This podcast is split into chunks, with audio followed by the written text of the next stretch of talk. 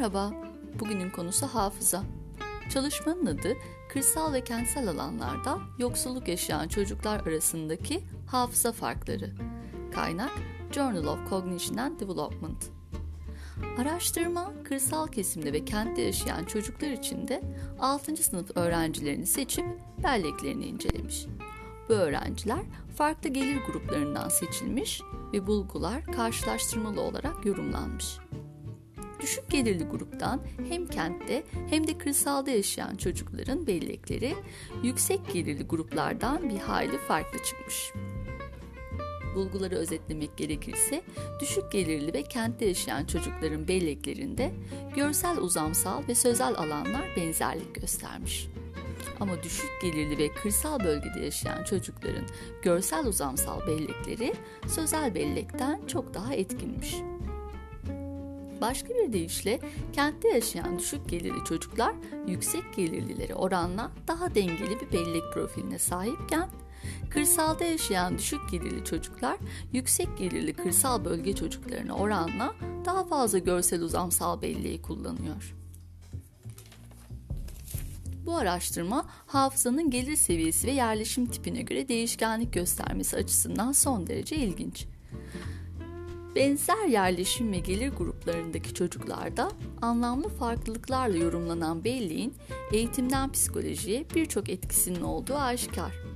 Bu makalenin düşündürdüklerini bir dönem aynı proje ekibinde çalışırken tanıştığım, sonra da hiç kopmadığımız sevgili arkadaşım Özlem'le konuşacağız.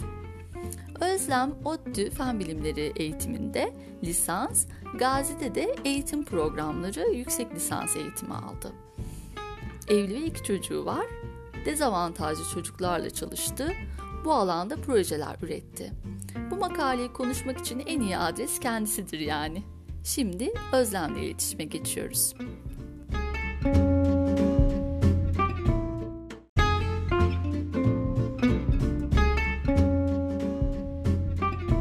Şimdi Özlem'im, e, ya makale benim de çok ilgimi çekmişti. Böyle bir kenara ayırmıştım.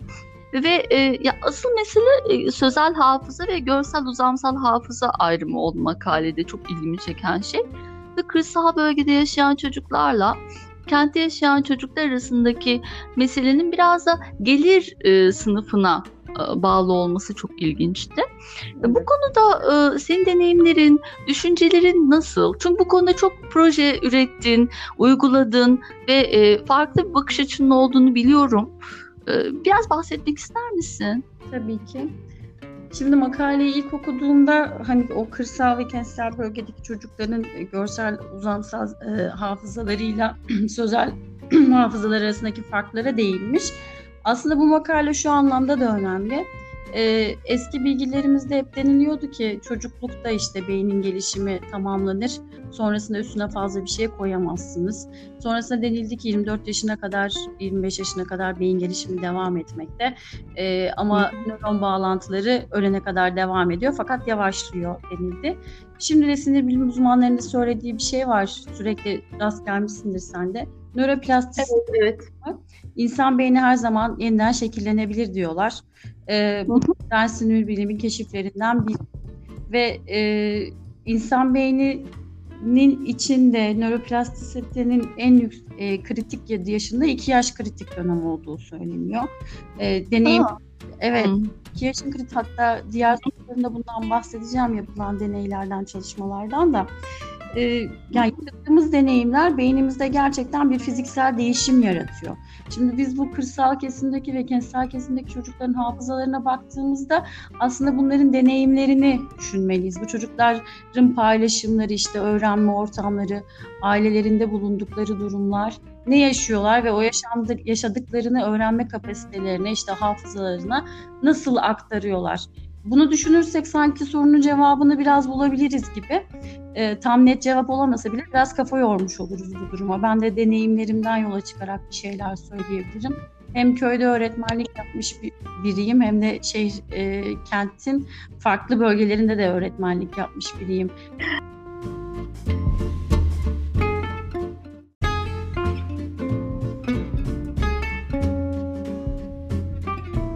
kırsal bölgede görsel uzamsal hafızaları daha yüksek çocukların araştırmada kentsel bölgede e, sözel dilsel hafızaları daha yüksek.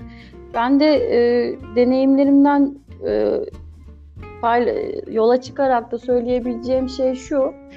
E, bu araştırmanın e, uygulanab yani uygulamadaki doğruluğunu şu yönden söyleyebilirim. Basınç konusuydu galiba e, fen konusunda işlediğimiz konu. Hı hı. Basınçta e, köy okulunda yanımızda pirinç tarlası vardı. Çocuklara daha iyi anlatabilmek için oradan işte çamurlardan nesneler yapalım ve o nesnelerin e, yüzey alanlarıyla nasıl etki ettiklerini e, basınçla ilişkisini bulalım demiştim. Çocuklar çok usul bucaksız nesneler yapmışlardı o çamurlardan. İşte e, sandalyeden tut yatağa kadar, evdeki kaşığa kadar, bardağa kadar birçok nesne yaptılar. E, aynı dersi şehirde işlerken e, çocukların bu sefer oyun hamurları vardı ellerinde.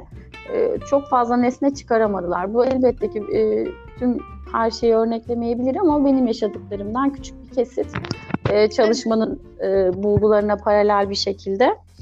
E, şöyle söyleyebilirim. Hani o çocukların da yaratıcılıkları belki şu şu yönden daha fazla olabilir. Görsel uzamsal hafızaları e, stressiz bir ortamda büyüyorlar. Yani stressiz olarak kastettiğim ailedeki stres değil ama çevre şartları olarak daha sakin, daha böyle e, doğayla birlikte oluyorlar. Arkadaşlarıyla daha fazla oyun kurabiliyorlar ama şehire dönüp baktığında çocuklar küçük küçük apartmanlara sıkışmış durumdalar. Küçük yerleşim evet. yerlerinde. Çok fazla oynama, hayal kurma zamanları yok belki onun bir etkisi vardır. Zaten araştırma bulgularında da sonrakinde söylüyor. Orada da yazar kendisi de anlatıyor ya e, bu hala araştırılmaktadır tam olarak nedenleri bilinememektedir diye. Bu yüzden birçok çalışmanın yapılması gerekiyor. Benim kendi çıkarımım o çocukların daha e, özgür bir ortamda büyümelerinden kaynaklı. Görsel uzamsal hafızalarının daha yüksek olması belki bundan kaynaklanıyordur diyebilirim. E, sözel dilsele baktığımız zaman da aklıma şöyle bir e, araştırma geldi. Onu da son zamanlarda okumuştum. E, şöyle ki Romanya'da 1966'da iş gücünü artırmak amacıyla e, nüfus planlamasına son veriliyor ve e, bunu daha çok, çok teşvik etmek için 5 e, çocuktan az olan ailelere vergi yükü getiriliyor. Dolayısıyla aileler daha fazla çocuk sahibi olmaya teşvik ediliyor. Fakat ekonomik durumları çok iyi olmadığı için çocukların büyük bir kısmı yetimhaneye bırakılıyor. Öyle ki hmm. 90'lı yıllara gelindiğinde yetimhanedeki çocuk sayısı 170 bini buluyor. Ay, ee, çok sıkıntı ve e, gerçekten boş e, yazık olan bir nesil diyebiliriz. Sonrasında bu dilsel alanda araştırma yapan uzmanlar bu yetimhanedeki çocukları incelemeye alıyorlar 6 ee, ay ile 3 yaş arası 136 tane çocuğu seçiyorlar. Bakıyorlar ki çocukların IQ puanları yüzden düşük. Nöral ah. etkinlikleri de düşük. Dilsel gelişimleri de istenen düzeyde değil. Bunun nedenlerini araştırmaya devam ediyorlar. Ee, ve devamında da araştırmayı uzattıklarında çocuklar koruyucu aileye verildiklerinde acaba bir değişim oluyor mu diye gözlemliyorlar. 2 yaşından küçük çocuklar koruyucu ailede e, o istenen dilsel gelişimi yakalayabiliyorlar. Sosyoekonomik durumu e, yüksek ailelere veriliyorlar ama 2 yaştan sonra verilen çocuklarda yine dilsel gelişim devam ediyor ama çok da istenen düzeye ulaşılamıyor. Bundan da şu çıkarıyorlar. 2 yaş bulunan e, kritik dönem ve orada ma- çocuğun maruz kaldığı dil, dil ortam mın e, beyindeki dilsel gelişim için çok önemli bir faktör olduğundan bahsediyorlar. Fakat bu dilsel gelişimde işte sadece dil konuşmak değil de niteliğin de önemli olduğunu bahsediyorlar. Yani orada anne babanın, ailedekilerin çocukla nasıl konuştuğu, sadece kelime sayısı değil, bunu kelime sayısına da dökmüşler. Mesela sosyoekonomik durumu yüksek ailelerde çocuk bir saatte bin kelimeye maruz kalırken e, düşük ailelerde bu sayı 300'e 400'e kadar iniyor. Yani arada epey bir fark Bayağı. var. Fark var evet çok. Yani kırsal kesimde de işte o ailenin ilgisi, çocuğu destekleyici yanları e, daha fazla e, etkileşimin olmasının bu sözel dilsel hafızada etkin olduğunu söyleyebiliriz ama elbette ki istisnalar var. Şöyle ki sen de biliyorsun işte her yıl LGS şampiyonları açıklanır, ÖSS şampiyonları açıklanır. Bakarız ki e, bir ücra köy okulundan da pamuk tarlasından da şampiyon çıkmıştır değil mi? Evet evet ya hatta bu klişeyi duymaya o kadar alışım ki işte çobanlık yapıyordu ve Robert College evet, kazandı. Evet, yani bu aslında rastlanılan, rastlanılabilen bir durum. Ee, ben bu çocukları da özellikle işte takip ederim her zaman. Ee, bir de biyografilere de meraklıyımdır. Ee, başarı hikayelerinde dünyada iz bırakmış, Türkiye'de iz bırakmış insanların biyografilerini de okuduğumda evet. görüyorum ki e, dezavantajlı ailede doğan çocukların mutlaka ve mutlaka bir rol modelleri var. Mesela o çocuklara baktığında diyorlar ki benim annem işte okuma yazma bilmezdi ama beni çok iyi teşvik etti. Annemin hayal gücü çok iyiydi. Annem şu işi çok iyi başarırdı. Ya da babam e, şu konuda çok çok iyiydi. İşte köyün köyde herkes ona danışırdı gibi hikayeleri var aslında bu insanların. Ben de inanıyorum ki çocuğun aslında e, bulunduğu şehir ya da e, köy ortamından ziyade içinde yetiştiği ortamda e, ki zenginlikler çok önemli. O etkileşimde bulunduğu insanların niteliği çok önemli. E, bence bu da onu e, kanıtlarından birisi. E, bunu söyleyebilirim sözel, dilsel ve e, görsel uzamsal hafıza için. Ay çok güzel bir e, paylaşım oldu bu Özlem. Ya ben seninle böyle arada konuşuruz da. Evet, böyle evet. bir böyle konuşmalar da yapmamıştık. Çok vesile oldu benim açımdan. Çünkü benim ben de böyle, çok iyi oldu. E, benim açımda. canım. Ya böyle anlamlı şeyler ben e, yap, yap, ben branşım gereği de çok yapamadım öğretmenlik hayatımda. E, sen tabii bir fen bilimleri olunca değil mi? Böyle görsel uzamsal hafızayı da çok güzel. Evet. evet. Yani çok doğru. Hem biyoloji farklı alanlarda olduğu için daha zengin bir alan sunduğu için diğer yanlarını da gözlemleme şansını buluyorsun çocuklarda. Ya çok güzel. Aslında çok güzel bir değil mi oyun e, sahası da e, evet. bilim göz, gözüyle bakanlar eğitimciler için. Çocukların ee, gerçekten merak ettiği bir alan. Yani evet. dersini gerçekten seviyorlar. Çok güzel. Ya bir de Özlem şey konusunda fikrini merak ediyorum. Şimdi okul çalışma hafızasının ya daha doğrusu bunların çalışma working memory demişler de ben bunu böyle çevirdim kendi aklımca. Yani, e, umarım doğru çevirmişimdir. Bunda e, dinleyiciler için alt yazı geçmek istedim. ya öyle bir şey de, değil derseniz ya tabii ki e, cevap evet, biz öyle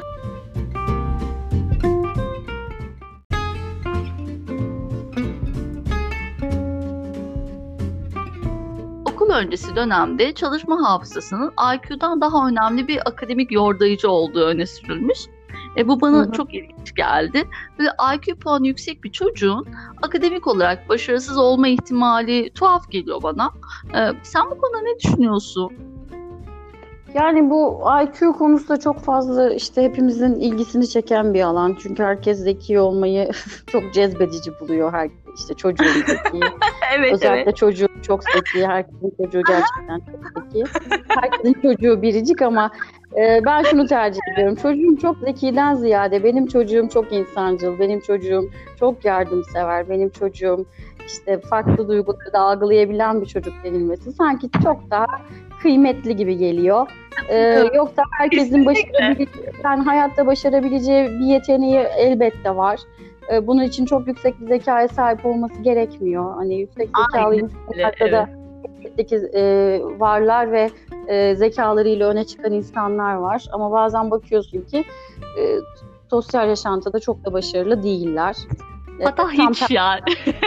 Tersi de olabiliyor. O yüzden bu kadar zekaya çok çok da e, hani günlük dilde de çok fazla konu, e, konuşmamak gerektiğini düşünüyorum. Özellikle çocuklar açısından işte çocuk e, bu çocuklarla ilgili ortamlarda bulunduğumuz için işte bir çırpıda anlıyor benimki seninki şunu yapabildi mi gibi falan. E, hani bu IQ kelimesini duyunca direkt aklıma o geldi.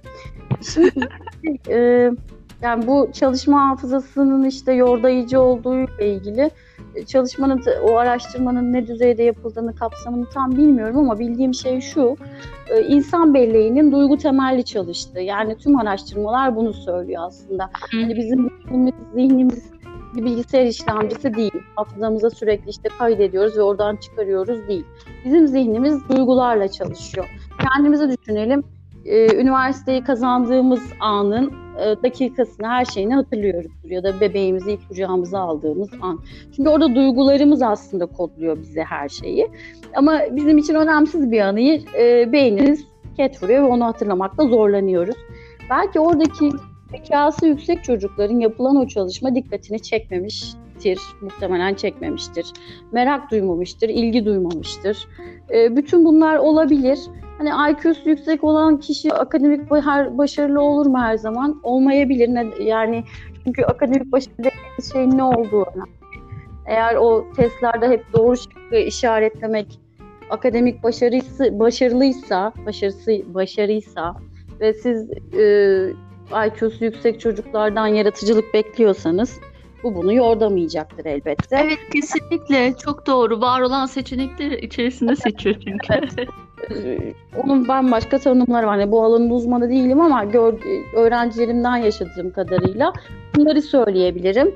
Ee, o çocuklar evet. belki farklı düşünüyorlar ve gerçekten biz istediğimiz ve ilgi duyduğumuz şeyleri daha iyi öğreniyoruz. Onu e, önce fark ediyoruz. Önce fark etmemiz lazım. Fark etmemiz için de ilgi duymamız lazım. İlgi duyduktan sonra kaydediyoruz ve hatırlıyoruz. Hatırladıklarımız da genelde e, bu memnuniyet duyduğumuz ortamları çok daha iyi hatırlıyoruz. Hatta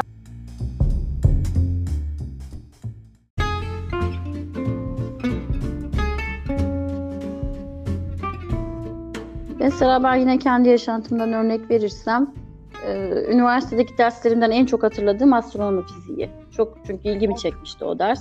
Evet hoca, da, hoca da çok enteresan bir hocaydı. Hep kedisiyle gelirdi sınıfa. Kedileri vardı. Schrödinger'in kedisi, kedisi de dersi çok iyi dinlerdi.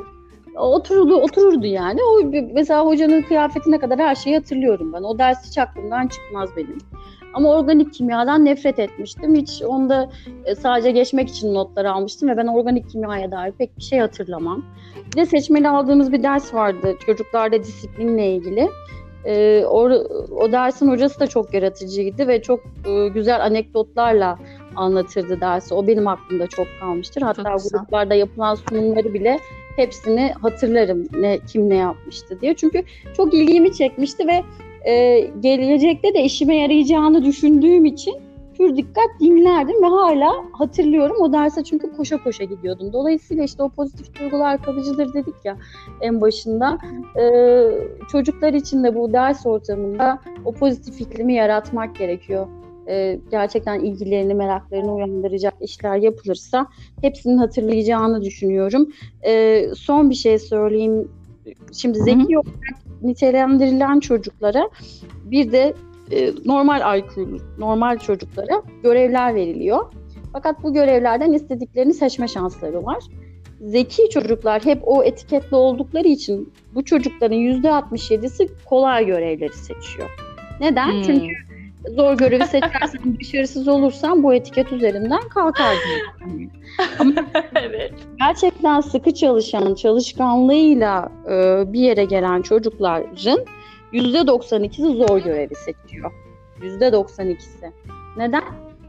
Çünkü o çocuk hani o zamana kadar çalışkanlığıyla gelmiş. Ona çok zekisin övgüsüyle gelmemiş bir yere. Ee, böyle de ilginç bir araştırma var. Bu da benim çok dikkatimi çekmişti Gamze. Ya evet çok ilginç. Bu BİM öğrencilerde de var. Böyle çok çalışkan öğrenciler var. Sen bana yüklü hocam ben kaldırırım. ben şey devam ederim yani böyle çalışırım ya uğraşırım ben diyenler o çalışkanlar. Evet. Böyle yoldan hakikaten bazı çocukların da pratik zekası biraz daha gelişik oluyor. ya kısa yolu tercih ediyor yani çok da yaratıcılığını e, ön plana çıkarmıyor. Ama günün evet. sonunda çok çalışan, evet. bayağı azim Hı-hı. kazanıyor ya. Bu valla genelleyebiliriz de bunu. Değil Bence mi? de. Ee, ben evet. Ben bunu şeye benzetiyorum. Hani herkes e, diyoruz ya farklı genlerinden miras e, zekası bir, bir kısmı evet. genlerinden miras ama bunun sonuçta yapılan çalışmalarda genetiğin etkisinin az olduğu, çevresel koşulların daha fazla olduğu filan söyleniyor tam olarak e, bir noktaya varılamadı ama eskiden sadece genetik olduğu söylenirdi. Şimdi yaşamsal deneyimlerinde zekaya katkısı olduğundan bahsediliyor.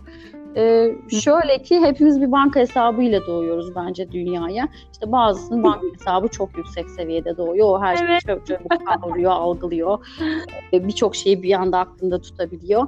Diğerinin düşük bir banka hesabı var ama diğeri de çok böyle çalışarak, azmederek, et, önüne biriktiriyor. biriktirebilir ama öteki de e, benim zaten bankada çok param var bu bana yeter deyip e, yan gelip yatabilir. Onun da sonucu hüsran oluyor. Dolayısıyla o dengeyi iyi kurmak yani çalışma çalışma, azim, işte o motivasyon onların hepsi gerekli koşullar yaşam boyu böyle olduğunu düşünüyorum ben. Ya şu banka hesabı çok iyi bir metafor oldu bu arada. Bunu ara ara ara bazı ortamlarda eşim, eşim bankacı olduğu için.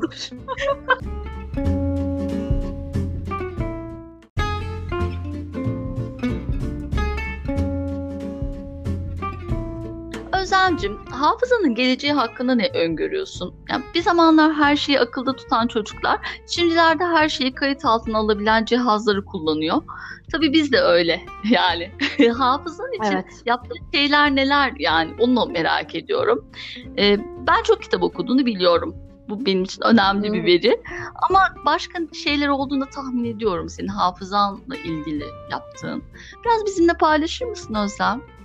Tabii şimdi hafızanın geleceği aslında beni de e, kaygılandırıyor. Şöyle ki çok büyük bir veri akışı var. Hani telefonlarımızdan, internetten, sosyal medyadan.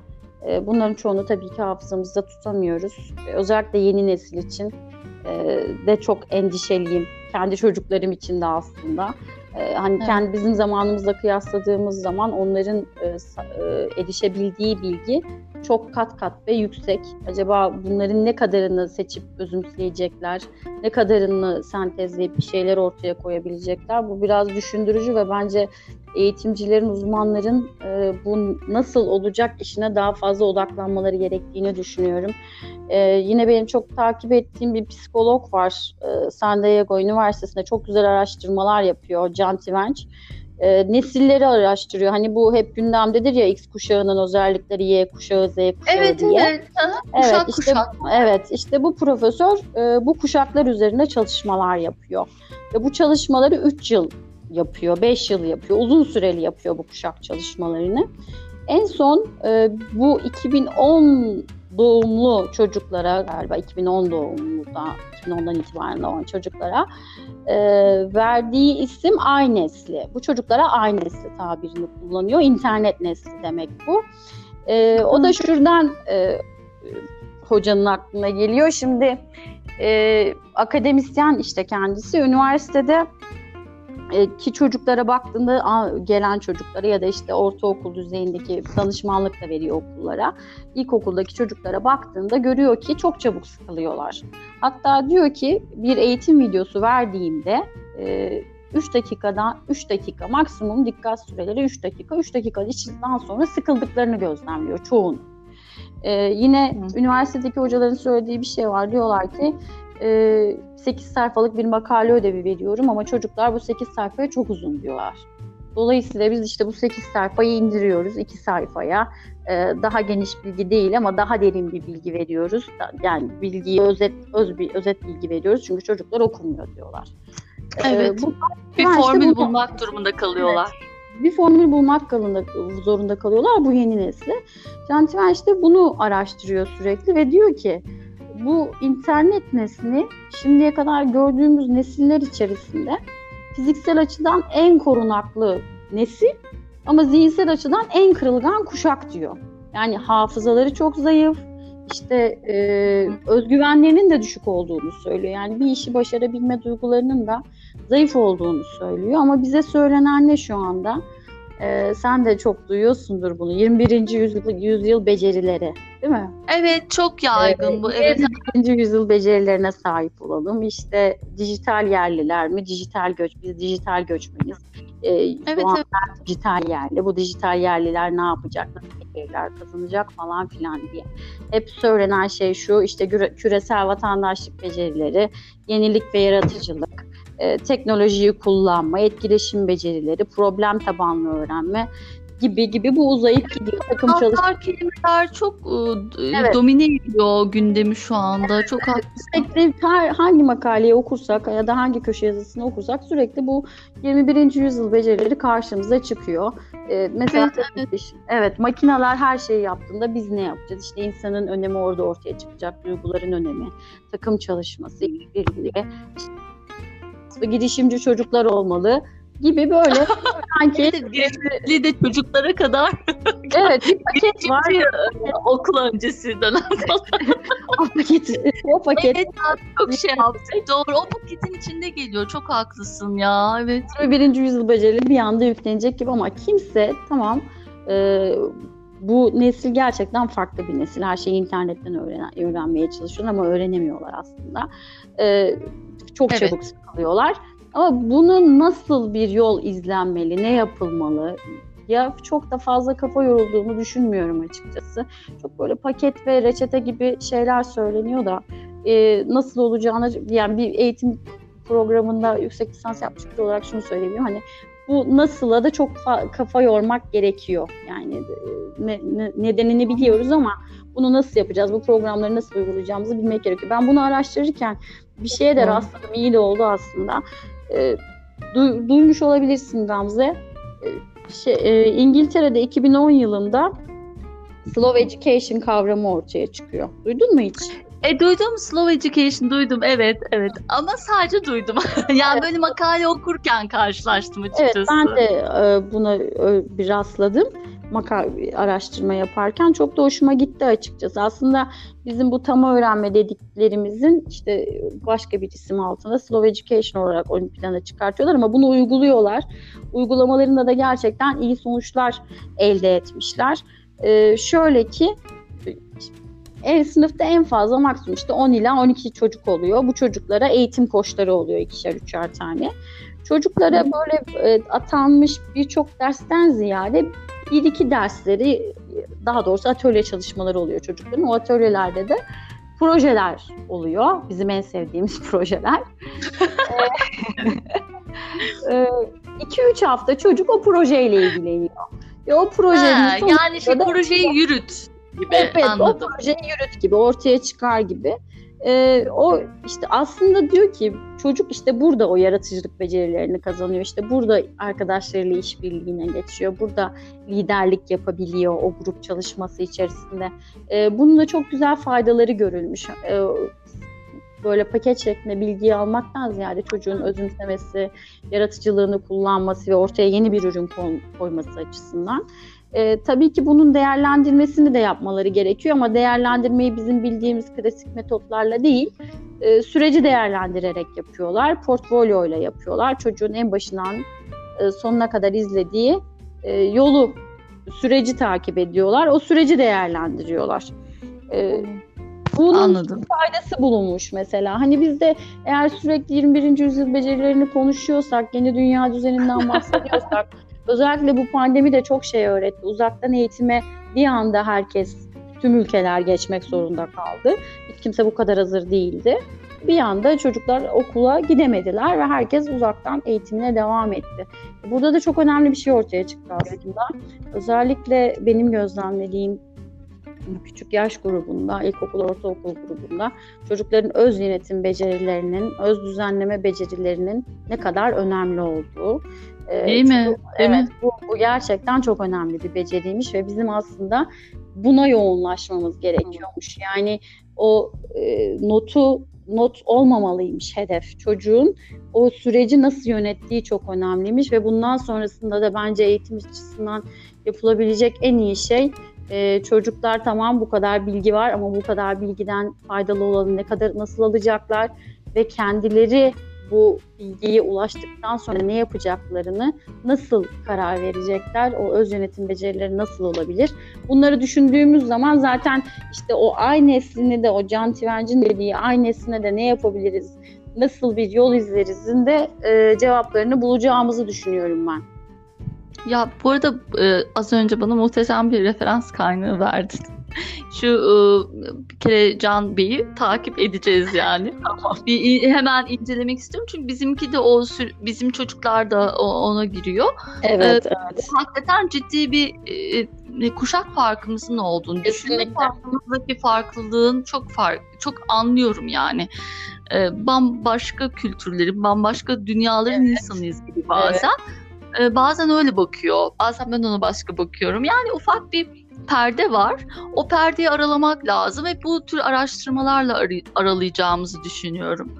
Özlem çok güzel örnekler verdin ya. Bu çok çok çok profesyonel e, cevaplar bu arada orası. yani şey seninle geyik, e, geyik yapmamak için böyle yani seninle böyle şey e, o muhabbete girmemek için böyle kendimi çok frenliyorum. Çok, çok ciddi bir konu. Çünkü ilk defa seninle bir makale tartışıyoruz. Evet Bunun ilk defa tartışıyoruz. E, e, ilk, ilk kez. Ve bundan önceki podcastlerde de çoğunlukla şey tartıştık. Hmm, böyle makale değil de böyle bilimsel e, dinledim onları haberler. Çok değil mi? çok böyle bilimsel haberler. Evet. Bu birazcık şey oldu ikimiz için de bayağı sen dedi ikimiz beraber böyle bayağı bir haftadır falan bunu okuyoruz ve kafa patlatıyoruz beraber. böyle bayağı bayağı dinleyicileri de evet. bunlar Big'den geçirilmiş düşünceler yani çok elendi bunlar haber haberiniz olsun demek o nedenle ben de şu an çok şaşırıyorum yani ne kadar güzel böyle e, toplamışsın harika. Ya benim merak ettiğim başka bir şey de e, çocukların düşünme şekliyle alakalı. Şimdi düşünme şekli e, e, aslında hafızamız da demek ve hafızaları içinde bulundukları ortamda çeşitlilik kazanıyor. Evet. E, peki bu yani sen bu ortamlara ilişkin hafızanı e, daha çok kullanıyorsun. Ya hangi ortamlara ilişkin? Özlem bunu keseceğim, baştan alacağım. Dikkatim dağıl. Tamam mı? Şöyle. Tamam. Tamam. Bir, bir, iki, üç. Özeldim son olarak e, böyle çocukların düşünme şekli hafızaları için yine başlanıyorum. Düşünme şekli ve hafızaları diyecektim. Neden böyle okurken heyecanlanıyorum? Çünkü odada başka birisi olduğu için olabilir. Ya işte işte. değil, Ama bir dakika ben sana bir şey soracağım Gamze. Evet canım söyle şey, tatlım. Yani düşünme şekli ve hafızaları derken tam olarak kastettiğin şey nedir? Bu soru da benim aklıma ya, takıldı yani. Evet düşünme şeklini şimdi eleyeceğim oradan. Hafızaları. Ya o biraz Tam anlayamadım ben, çünkü. Yani 40 yaşında.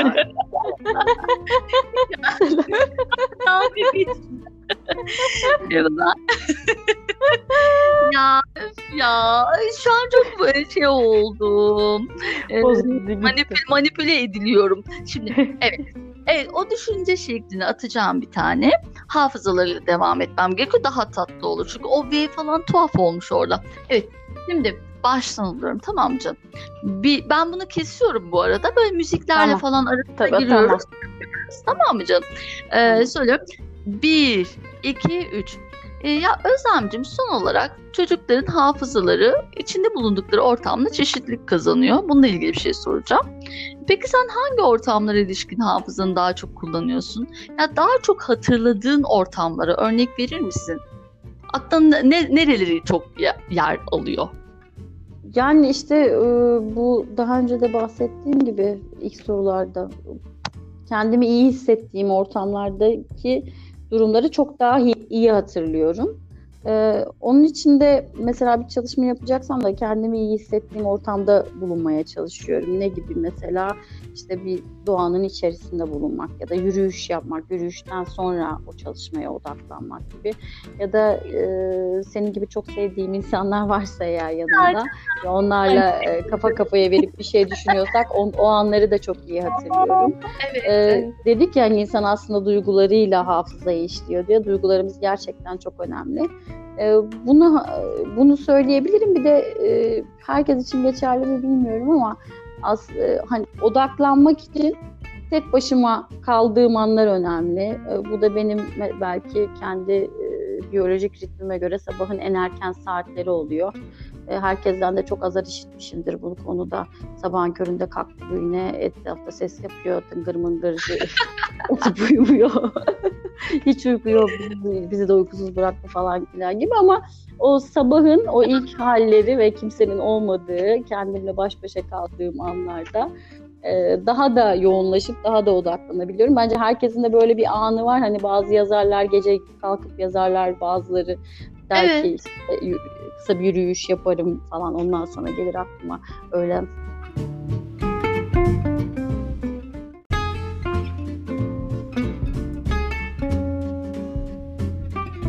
Ben bir daha yinelemek istiyorum. Ben senin hafızan için yaptığın şeyleri merak ediyorum. Ya ben senin çok kitap okuduğunu biliyorum. Bunu daha önce de söyledim de. Ya başka şeylerin olduğunu da tahmin ediyorum. Biraz bahsetmeni istiyorum Özlem.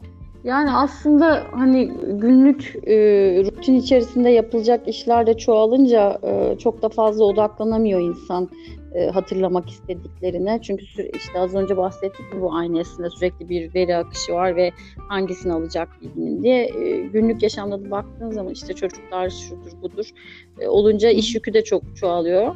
E, çoğalınca tam da odaklanamıyorsun ama ben yine de e, üniversiteden kalma bir alışkanlık hatırlamak istediklerimi her zaman e, kayıt ediyorum. E, bu ses kaydı e, oluyor. Ve kendi Aa. başıma yalnız kaldığımda bunu dinliyorum. Ben derslerde de çok iyi not alan bir çocuk değildim. Her zaman yazımda benim. Yazını hatırlıyorum Özlem. Yani e, yazım böyle bir yazı yok zaten.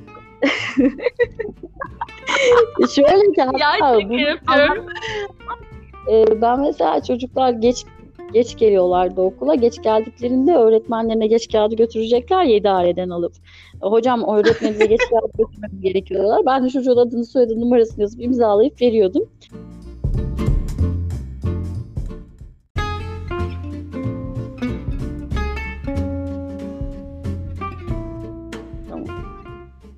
Yani 3 dakika sonra bakıyorum çocuk odaya tekrar gelmiş. Diyorum ki neden geldin? Öğretmenim inanmadı bunu sizin yazdığınıza ben yazdım zannetti. Özellikle böyle yazısı olamaz diye düşünüyorlarmış.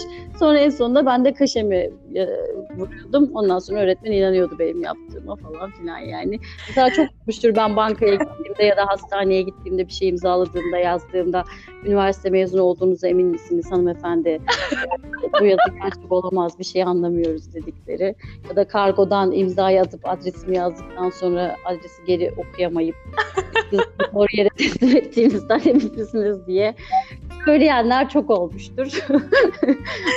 Ben tahmin ediyorum. Özlem ben de senin ilk yazını gördüğümde e, şey Özlem bana şaka yapıyor galiba falan. çünkü, çünkü şey ya çok her şey çok derli toplu hayatında. Çok tertipli bir insansın. Ee, ama yazının bu kadar acayip olması Çirkin olması evet o, o düzen bitirdi yani onu çok ya böyle Dali tablosu mu desem Dadaist bir kendi içinde desem bambaşka bir dinamiği var. evet kendi içinde sembolleri olan farklı işte sembolleri olan bir yazı yani. Ama çok sevimli. Ya burada da tamamen şey yapmak istemiyorum ama sevimli olduğunu söyleyebilirim yani. Kesinlikle. Çünkü onun da bir, o da bir sanat eseri bence. Ne vardı? Bu grafoloji diye bir şey var değil mi? Ee, Yazıyı inceleyen bir şey. Yani e, herhangi bir durumda sen çok çabuk ayırt edilirsin yani. Olsun. hatta, hatta daha, daha kötüsünü söyleyeyim. Ee, şimdi Poyraz birinci sınıf işte yazı yazıyor. Ben de güya onun yazısını düzelteceğim. Ben yazıyorum.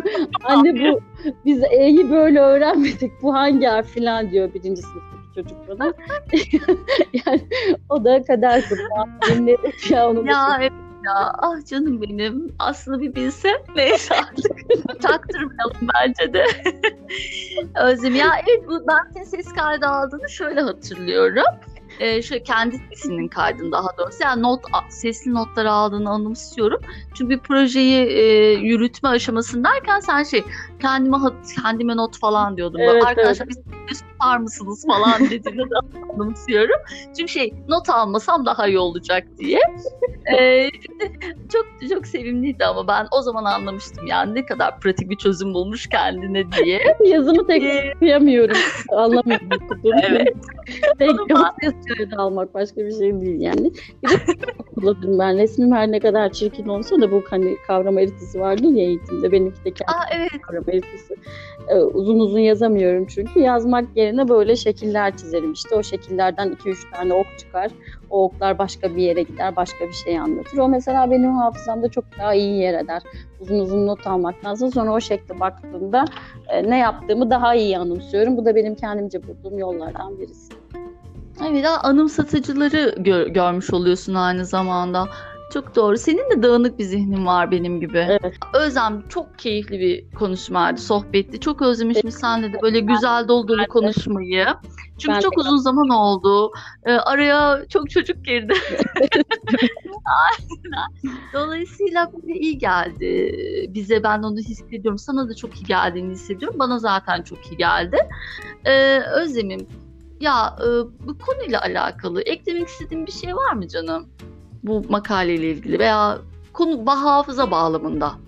Yani hafıza bağlamında söylemek istediğim, eklemek istediğim şey kendi çocuklarımda da gördüğüm ve işte öğrencilerimizle de yaşadığımız şey e, bu isteğin, hevesin gerçekten büyük yer ettiği, yani önemli rol oynadığı. Dolayısıyla e, çocukların, öğrencilerin e, severek geldiği e, ders ortamlarının oluşturması, oluşturulmasının e, çok çok önemli olduğunu e, söyleyebilirim bu bilginin aktarımından ziyade ya da hani e, bu şey sınavlarda full çekmek ya da yüz üzerinden yüz almak yerine gerçekten çocuğun keyif aldığı ortamları yaratmanın hafızasında çok çok iyi yer ettiğini düşünüyorum. O yüzden e, o çocukların kalbine gidecek yolu keşfetmek, onların zihninde e, geriye dönüp baktıklarında, anılarına dönüp baktıklarında şurada şöyle bir şey yaşamıştık. Bu benim okulumda yaşadığım en güzel anılardan biri diyebileceği ortamlar yaratmanın e, biz eğitimciler için e, birinciler çıkartmaktan, sınıf, ikinciler çıkartmaktan çok daha önemli olduğunu düşünüyorum. Hem Evet. bir birey olarak Doğru. hem de eğitimci olarak. Çok doğru. Ben de sana böyle yüzde 200, 300, 400 katılıyorum. Kesinlikle ya bu sıralamalardan çok daha başka bir liste var. Herkesin Evet, bir evet. olduğu bir liste var. Ee, çok haklısın Özlem. Özlem çok keyifliydi. Ben Çok benim için çok Öz- keyifliydi. Güzel bir kaçıştı. Ben- Evet benim çok heyecanlandım bu arada. Neyse e, daha bir sonraki e, makale incelememizde Tamam. Tamam. Merak heyecanla bekliyorum. E, çok teşekkür ederim Özlem'im. Ben Yaman'ı, Poyraz'ı Tamam. çok öpüyorum. O dünyalar tatlısı çocuklarını. Seni de çok öpüyorum. Ben de İdil'i çok öpüyorum. Heyecanla Öpüyorum. bekliyorum bir sonrakini. Hoşça kal. Sağ ol canım benim. Hoşça kal. Bay bay.